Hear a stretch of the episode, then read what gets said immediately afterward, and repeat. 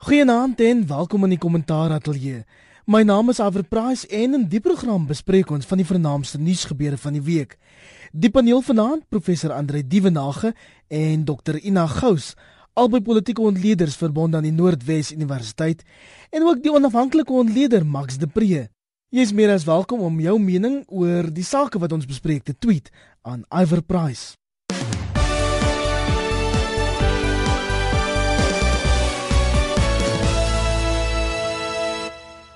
Kom ons begin by die president se staatsrede en lyk by die ontleeders is 'n bietjie verdeeld hieroor. Party reken dit was meneer Zuma se beste rede ooit en ander sê dit was sy swakste. Wat het jy gedink, Max? Nee, een van die twee nie. Ek gedink dit was uh, redelik voorspelbaar.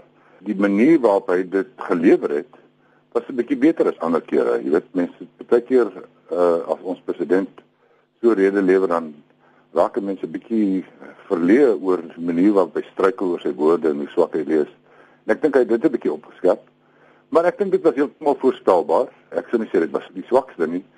Voorspelbaar want hier kom 'n verkiesing en hy het letterlik maar gespog met hoeveel beter dit met ons gaan. En ek moet sê ek dink hy was korrek. Uh in die syfers wat hy vir ons gegee het en die prentjie wat hy vir ons geskilder het, dit gaan geweldig baie beter 2014 as in 1994.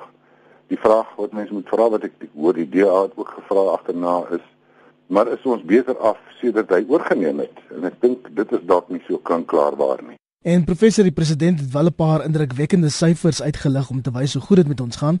Sedert 1994 is 3 miljoen huise gebou, 5000 plase aan swart eienaars oorgedra met glo 200 000 mense wat daarbey gebaat het.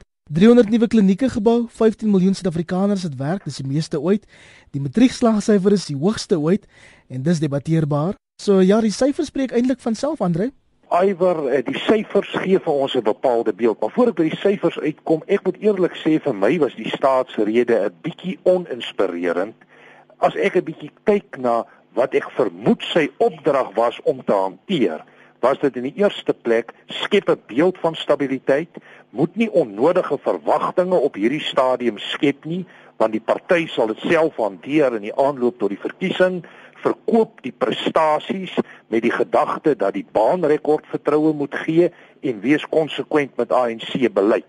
Nou ek dink tegnies gesproke was die aanbieding van uh, meneer Zuma nie sleg nie, maar inhoudelik het die aanbieding vir my met tye 'n bietjie dun voorgekom en ek moet sê die syfers wat genoem is is kommerwekkend vir my. Dit is so dat die syfers wat jy daar noem uh korrek is, maar jy moet dit ook plaas teen 'n groter konteks en 'n groter raamwerk. As ons nou kyk na die beloftes wat gemaak is en wat éventueel gerealiseer het, is dit eintlik maar 'n baie klein gedeelte daarvan. Dan moet ons verder onthou dat die landsituasie op die oomblik stel 'n hele klomp uitdagings. En my groot bekommernis is dat die uitdagings van die land want ons moet onthou dis 'n staatsrede hierdie. Dis nie 'n partyrede nie.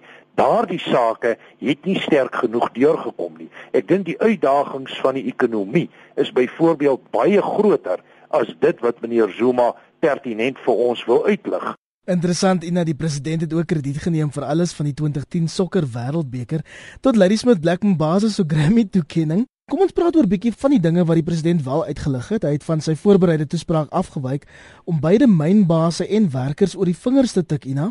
Hy het het vir werkers gesê en vir mynbase hulle moet tot 'n vergelyk begin kom en dat die wyse waarop hulle op die stadium te werk gaan die land se ekonomie verskeie vlakke negatief beïnvloed hy moes vir my daarop gebou het en veral op die wyse waar hy daai spesifieke punt benader het. Die meneer het vooraf gesê dat uh, mense het min verwagtinge gehad van die toespraak self, maar daar was geleentheid veral uh, as mens 20 jaar demokrasie vier en aan die einde van 'n eerste termyn van 'n president dat jy byvoorbeeld wat wat my aanbetref fokus moes plaas op hoe goed of redelik suksesvol die Reservebank en ons Departement van Finansies Suid-Afrika deur die wêreldfinansiële krisis gelei het. En ek dink dit was 'n groot sukses wat dit gedoen het wat beleggers aanbetref wat op die stadium bang is vir Suid-Afrika as gevolg van die myn kwessies. Sou dit 'n baie goeie um, aspek gewees het om uit te lig wat my aanbetref. En Max daar was ten spyte van dit agterna heelwat kritiek dat meneer Zuma nie gedoen genoeg gedoen het om beleggers se vertroue te wen nie of se vrese te besweer nie. Ja, maar alhoewel mens nou ook byvoeg, hy het nie veel ammunisie nie. Jy weet as jy praat met beleggers, dan is dit ingeligte mense. Dis mense wat nie enige soetkoekies gaan opslurp en en sê o, nou voel ons beter nie. Uh hy sou sukkel om 'n prentjie te skep wat baie rustig is.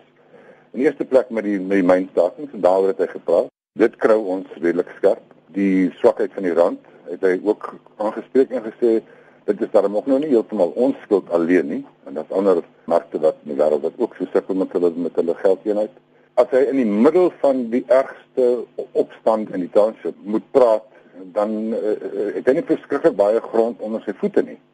Hy moet ook 'n balans hou met wat hulle gaan sê, sy party gaan sê onmiddellik hierna in die verkiesingsveld tog.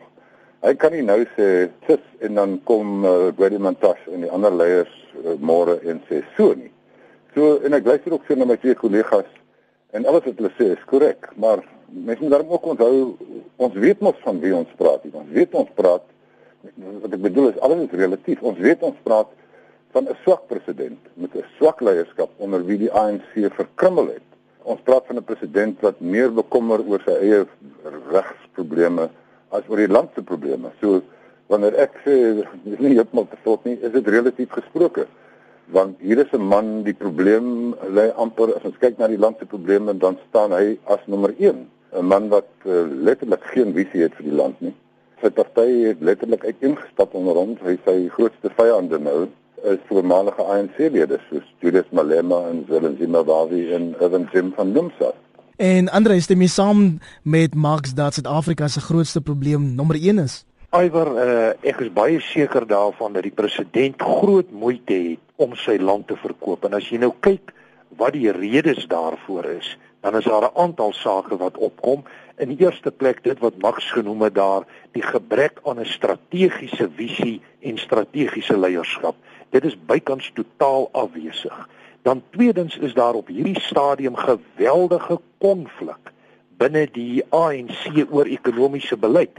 Dis nogal interessant hoe min daar na die nasionale ontwikkelingsplan as 'n basisdokument verwys is. Want ons weet dis een van die groot konfliklyne binne die ANC.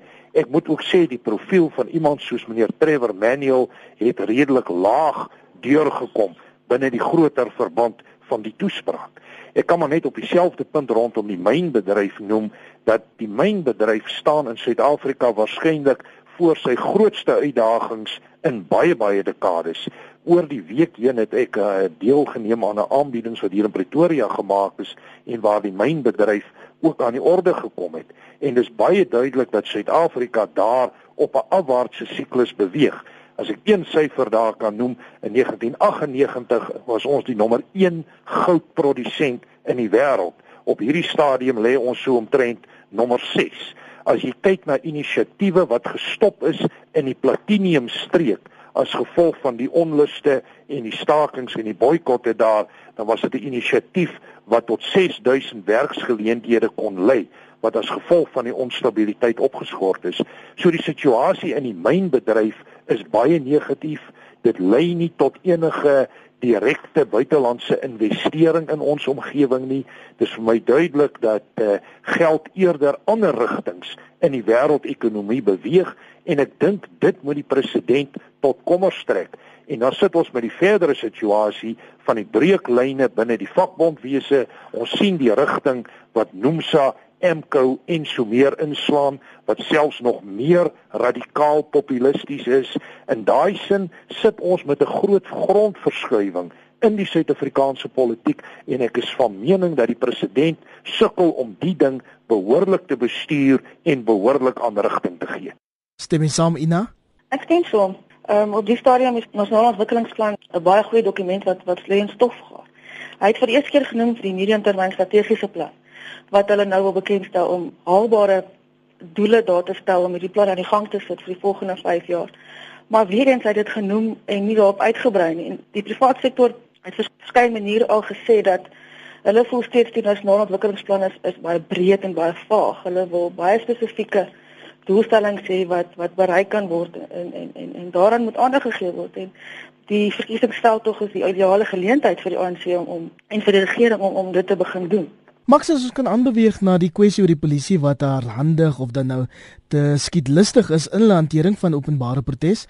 Interessant die president se beskrywing dat die polisie 'n soort buffer is tussen wat hy genoem het 'n demokratiese gemeenskap gebaseer op die oppergesag van die reg en anargie. Ja, ek moet sê mense moet erkenning gee dat hy in 'n moeilike posisie is wanneer hy moet praat oor hierdie probleem van polisie brutaliteit. Aan die een kant is daar die polisie en daarvan hy die meer senior bevelvoerder is. So hy moes hulle aanspreek want ek meen hulle gedrag in die laaste paar maande eintlik sê dat Marikana het ons het begin sien is gevaarlik. Hulle is amper meer skietlustig as die polisie voor 1994.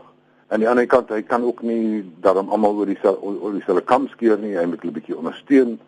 Dit is 'n groot probleem in die ANC waarvan die ekonomiese vryheidsvegters en ander gebruik maak om te sê julle moenie vir 'n regering stem wat die armes doodskiet nie. Malema het nou al sy ding van shoot to boer na shoot to poor verander. Dit is 'n sensitiewe saak. En dit is 'n baie belangrike saak en ek dink nou moet mense begin kyk na wie sit om hom en en dalk is dit 'n groter verduideliking vir wie en wat president Zuma is. As ons praat van uh, die nasionale ontwikkelingsplan waarvan ander en ander gepraat het. Dit is die ANC se formele beleid. Dit is sodat hy omtrent nie daarvan gepraat het nie. In die eerste plek dink ek die manne wat dit sterk gesteun het, Trevor Manuel is op pad uit. Dit klink duidelik of hy nie met ons gaan wees in die kabinet na Mei nie. Uh, dit lyk of Pravin Gordhan ook dalk gaan loop. Dit lyk of ons Tito Mboweni as 'n nuwe minister van finansies gaan kry. Die manne wat nou die nasionale ontwikkelingsplan teëgaan, is sy enigste werklike sterk ondersteuners in die party en dit is die kommuniste party. Cyril Blydensemande en die manne het baie skerp te velde getrek teen die nasionale ontwikkelingsplan soos ook SATU. So die nasionale ontwikkelingsplan is eintlik die plan van die groot lyf van die middelgroep van die ANC. Mm. En dit is formeel hulle beleid. Hulle hulle kan eers by 'n volgende beleidskonferensie daarvan ontslaa raak. Uh, hulle kan nou so wel soos die sê 'n bietjie tweak daaraan. Maar ek dink hy het vir my gereflekteer dat sy ondersteuning is die kommuniste party. Dis baie interessant as jy mooi kyk, ek het eendag die sommetjie gedoen. Wie sit in Jacob Zuma se kabinet? Met twee of drie uitsonderings en dis 'n groot kabinet. Is hulle almal of op die pilootbureau van die kommuniste party of hulle kom uit KwaZulu-Natal of hulle is Zulu sprekend. So ons wanneer ons die politiek ontleed met ons ook kyk na die predikamente waarin ons president staan en dan met ons ook so ek toe ek gesit en luister dit naam toe dog ek ons weet mos almal hierdie man gaan nie sy termyn uitdien nie. Gaan hy hierdie jaar loop? Gaan hy volgende jaar loop? Hoe gaan hy loop? Gaan hulle vir hom saggies laat gaan, gaan hy tronk toe, gaan hy siek word want ek hoor die die kinderstel tog is word versprei van Letoile af huis af dat sy familie probleme, hy's oorgestres, hy's baie moeg en dit is vir my grond voorberei vir die man moet een of ander tyd loop. So as ons na hom luister moet ons weet hier is 'n tydelike verskynsel en en as ons vorentoe kyk dan vra ons wie gaan dan by hom oorneem en ons weet op die 7de Mei gaan Cyril Ramaphosa ons land se visiepresident wees, maar gaan hy die president word? En daar word word baie beklei. Nou is daar sprake van 'n tweede visiepresident wat hulle wil by die ANC wil inbring en miskien in, in die naam van Baleka Mbete. Miskien is dit om 'n vrou in te bring, maar miskien is dit te doen met die opvolgingsstryd oor wanneer president Zuma gaan loop. Andre, jou reaksie is baie interessant. Veral ja. Baleka Mbete as 'n tweede visiepresident vir Suid-Afrika. Ek moet sê 'n paar van die standpunte wat Max daar maak is baie interessant. Ek stem met hom saam dat die magsbasis rondom Zuma word baie sterk gedefinieer deur KwaZulu-Natal en die SAKP en dit kan bepaalde voorspellings moontlik maak van hoe hy dink en hoe hy dinge gaan hanteer. Dis vir my ook baie duidelik dat die lyfstaal van die president wys vir ons dat daar probleme is binne die ANC. Meneer Zuma lyk net nie vir my goed nie en ek is ook van mening dat sy uurglas besig is om uit te loop, maar die groot probleem is wie gaan hom opvolg? Dit lyk vir my of daar baie sterk weerstand binne die groter party en drieledige alliansie is om meneer Cyril Ramaphosa wat op die oomblik die sterkste kandidaat in die party konteks is te akkommodeer. En dit hou nou weer verband met die hele Nguni lyn, dit hou verband met die nalatenskap van meneer Zuma hoe gaan hy en hoe kan hy oorleef as 'n nuwe president oorneem? Wat gaan word van al die hofsaake, van al die Gupta Gates en die Kandlas en so meer? So ek dink die president is op hierdie oomblik in 'n geweldige moeilike posisie. Die feit dat daar gereeld nou melding gemaak word van sy gesondheidstoestand is ook vir my 'n aanduider dat die weg vir hom voorberei word om uit te gaan. Trouwens, ek was al destyds van mening met die hele ontwikkeling van Kandla dat dit eintlik maar 'n poging is om vir die president 'n sagte landing te gee. Alhoewel net een ander punt wat ek vinnig ook wil aanraak en dit is die hele kwessie van die president se hantering van die polisie. Ek persoonlik dink die president het daar baie goed en gebalanseerd oorgekom. En hier moet ons twee kante van die saak baie duidelik sien. Aan die een kant, die polisie mag is in 'n ontsettende moeilike posisie. Ons het die meeste opstande in baie jare. Die frekwensie van daai opstande hier in Gauteng sê vir ons dat hier meer as 500 van die goed was oor die laaste 3 maande waarvan meer as 100 gewelddadig is. En ons moet onthou dat die polisie is letterlik die buffer en daar is die president reg. Hulle is die buffer teen anargie en hulle benodig ook ondersteuning. En dit was vir my goed dat hy ook vir die polisie mag bepaalde ondersteuning hier gebied het, maar hy het dit gekwalifiseer. Dit staan binne 'n bepaalde demokratiese raamwerk en 'n demokratiese konteks waar menseregte verreken moet word. Dit is vir my net baie duidelik dat die polisie baie sterker opleiding sal moet kry in skadebeheer en in terme van die hantering van hierdie gewelddadige proteste. En ek dink op hierdie stadium was een van die positiewe uitkomste vanuit 'n polisiehoek gesien hoe hulle die konflik tussen die DA en die ANC oor die uh, afgelope week goed gehanteer het. En ek dink dis 'n regmerkie vir die polisie. Maar ek dink ons moet versigtig wees om net die polisie vir alles altyd te blameer. Hulle het ook 'n bepaalde kant en daarmee wil ek geen sin sê mense kan die 9 mense wat reeds dood is of jy kan die die getal wat dood is by Marikana en daarna regverdig nie maar laat hier baie geweld is dat dit waarskynlik die mees gewelddadige opbou na algemene verkiesing sedert 94 is is ook vir my duidelik en ek dink die president het daar goed gebalanseerd oorgekom. As ons kan terugkeer na spesifiek die staatsrede, Ina, ek dink wel meneer Zuma het ons bietjie probeer flous in sy argument dat al hierdie diensleweringbetogings waarvan Andre nou praat, hy het gesê dis nie weens slegte regering nie, maar eerder oor die suksesse in daardie verband. Met ander woorde, ons bou huise vir 100 mense en dan is 400 ander daaroor kwaad. Hy het besluit die verwagtinge wat geskep word as gevolg van die sukses raak nou groter en dat die sogenaamde 5% wat nog nie die dienste het nie, die boodskap wat uitgesê hulle moet hulle moet dankbaar wees en en en geduldig wees want dis as gevolg van hulle ongeduld dat hierdie optogte gebeur. Dit voel vir my asof hy nie verstaan die rede vir hierdie protesoptogte en die wyse waarop mense hulle self uitdruk nie um, om klinieke af te brand en dis meer dat dat die dienslewering op die einde nie langer die enigste en grootste rede is nie. Hulle voel al word nie vir hulle geluister nie. Spesifiek vir plaaslike amptenare wat die mense voel begrip het vir hulle situasie nie. En eh, dit is daai tipe frustrasie wat hom wat homself manifesteer in die tipe optogte. Ek dink president het by die ANC 'n las geword wat hulle nie weet wat om te maak nie, nie waarheid te sê. En mense het definitief die idee gekry dat daar uh, die grond begin lê word vir sy bedanking of so. Ek voel wel dat Waleka Mbete, sou sien dat president Mandela se gedenkdienste en so voort op die voorgrond geplaas is.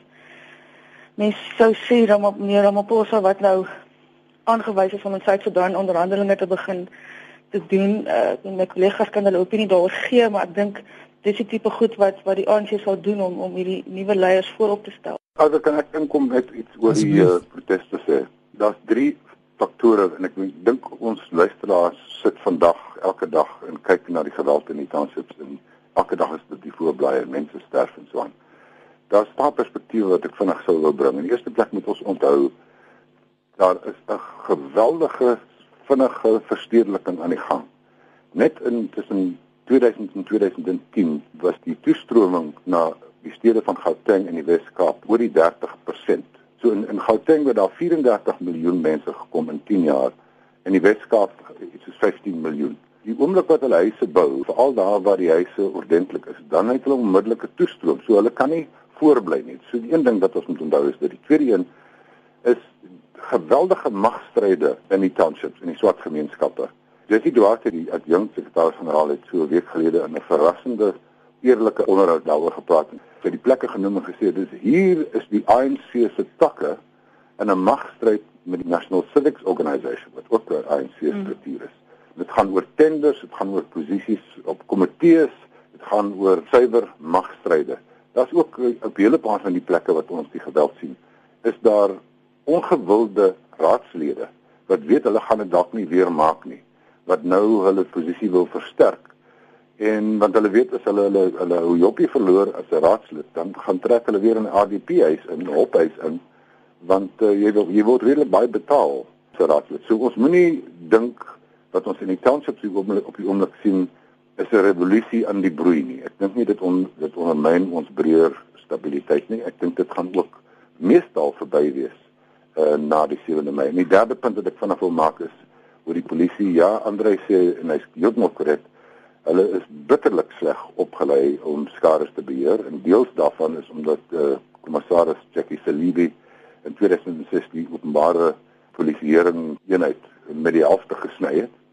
Maar ek wonder net hoekom arresteer hulle nie mense nie. As hulle dan nou sê soos die president al gesê het, julle mag proteseer, maar julle mag nie geweld pleeg nie, julle mag nie goed afbrand nie. Hoekom arresteer hulle nie mense nie?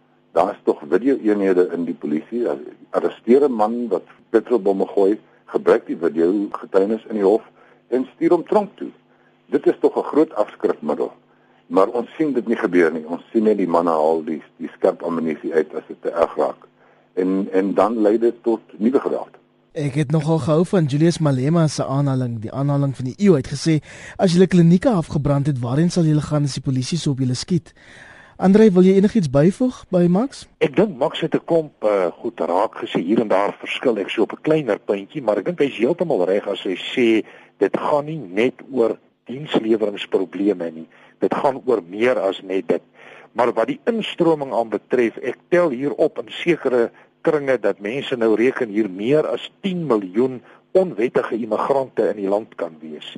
En dit is 'n aanduiding van die druk op bestaande infrastruktuur om net by te voeg by die geweldige normale verstedeliking wat ons het binne 'n Suid-Afrikaanse konteks.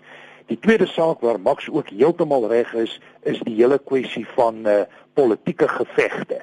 Die moeilikheid is op die stadium is dit onseker wie heeltemal agter die opstande is. Maar wat vir ons duidelik is en een goeie voorbeeld nou daarvan is wat homself in Madibeng uitspeel. Toe die waterkrisis nou die punt bereik waar daar nou openlike opstand was en geweld en daar 'n persoon of wat gedood is in die polisie se hantering daarvan, het die ANC baie vinnig ingegryp en van 'n paar mense ontslaag geraak ten einde die proses te stabiliseer.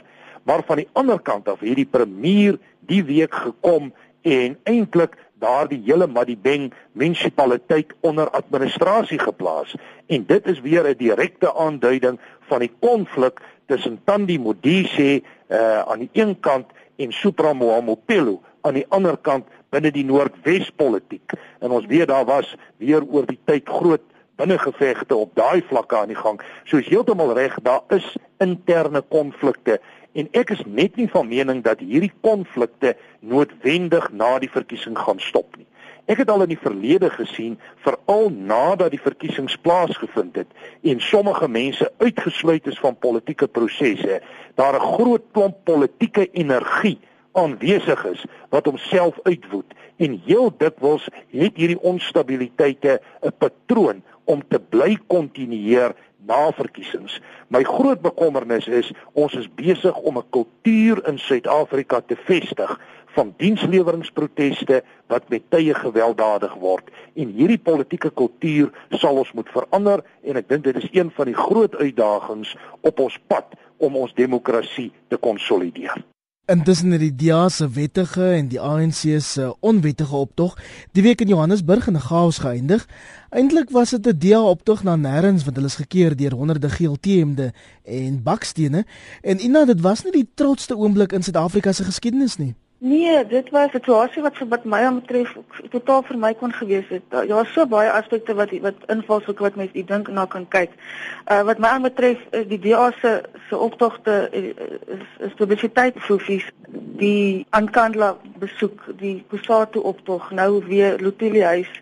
Dit wou nie vir my sin maak behalwe dat dit uh, publisiteit moet kry nie. Gesien in die lig kry hulle tog steeds reg dat dat die ANC se onverdraagsaamheid en selfs seksisme ons rasisme blootgelê word. En in die aanloop van die verkiesing toe was dit vir die ANC 'n uh, groot klad. Hulle het totaal ooreageer, oorsensitief oorgekom, amper reaksionêr of reaktief. En 'n mens sou wil weet by leierskap wat hulle lei tot tot sulke optrede. Hoekom dit in eerste plek toegelaat is? Hoekom dit wat my aanbetref ondersteun is deur ANC leierskap? En dit is amper asof hulle die DA se optrede as vermetelheid beskou. Want hoe durf hulle? En dit is vir 'n demokratiese reg gewees wat ook al hulle rede en uh daar's definitief uh, 'n paar vrae te vra oor oor die ANC se optrede in hierdie geval. Die polisie soos ons gesien het, het nou um 'n pleintjie gekry vir hulle optrede. Hulle was kalm, goed georganiseer, hulle het nie die ANC gekonfronteer nie en tog moet mens kyk na wie op die ou en 'n konfrontasie van 'n aard gehad het. Dit was nie tussen die DA en die ANC nie, danksy die polisie was dit tussen die polisie en die ANC. En ek dink mense gaan meer daarvan sien soos die soos die verkiesing nader kom. Ek moet met jou saamstem Ina. Ina, ek dink ook die DA se oorwegings agter die optogte is bietjie sinneloos, maar ek moet erken Max, die party het dit reg gekry om eens en vir altyd vir almal te bewys dat die ANC bang is vir die komende verkiesing en vir die DA. Ja, ja, ek het ook vooraf vir uh, almal wat wou luister in die DA gesê dis 'n bietjie moedswillig en dis 'n bietjie opportunisties. Maar ek dink die DA wou ook die punt maak op 'n klinkklare manier dat dit nie meer 'n party van 'n klomp wit liberale is wat in die voorstede sit nie. En daai punt is gemaak.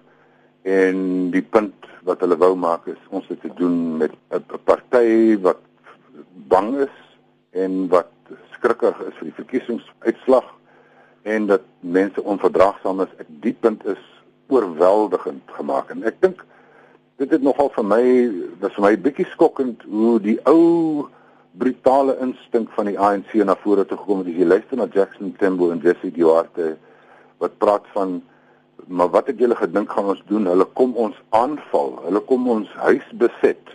Nou ons weet mos almal in hierdie land wie en wat is die DA? Dis nie mense wat plekke beset nie. Dis nie gewelddadige mense nie. Hulle het mos al van tevore gemarseer. So dit was nou totaal ooreageer. En dit herinner my maar net weer aan aan die ou ding van Nelson Mandela het die beste in die ANC uit die ANC uitgebring en president Zuma bring die slegste in die ANC uit. Ja, die ANC was ook redelik arrogant. Jackson Tembo het ook gesê, ofwel, hy het die DA bedank omdat hy so groot ANC optog namens hulle gereël het. En wat my nogal naar gemaak het, ANC-lede is aan die einde daarvan beloon met met KFC hoenders en Coke. Andre? Eiwer, ja, uh, jy's inderdaad reg daar dat baie mense vra vra ook na die sin van die hele optog en wie het nou presies gewen en wie is die oorwinnaar uit die stryd uit. Vir my is die strewe na mag is nie altyd iets wat logies is nie. Dis dikwels goed wat baie onlogies is en ek dink die verklaring vir wat hier gebeur het moet mens psigologies polities psigologies en ook simbolies probeer analiseer. Sielkundig gaan dit daaroor vir die DA om eintlik vir die ANC te wys ons kan doen wat julle ook kan doen en ons kan selfs na julle magsbasis en sentrum toe marcheer. So hierdie ding is heeltemal sielkundig psigologies en ek dink Max is daar heeltemal reg. Dit gaan onder meer daaroor om te wys ons kan ook 'n groot getal swart mense in die strate mobiliseer rondom ons doelwitte. En dit is my baie duidelik dat bloot die feit dat die DA dit reg gekry het, het vir die ANC geskok en hulle reaksie daar was redelik paniekerig met tye van daar ook die geweld. Hulle het nie vir my altyd voorgekom as 'n organisasie wat volledig onder beheer is nie.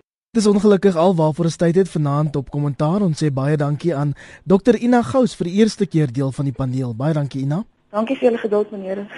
En ook van die Noordwes Universiteit professor Andre Dievenage. Goeienaand Andre. Goeienaand Iwer, dankie kollegas. En die onafhanklike ontleder Max de Pre. Dankie Max. Dankie, goeienaand.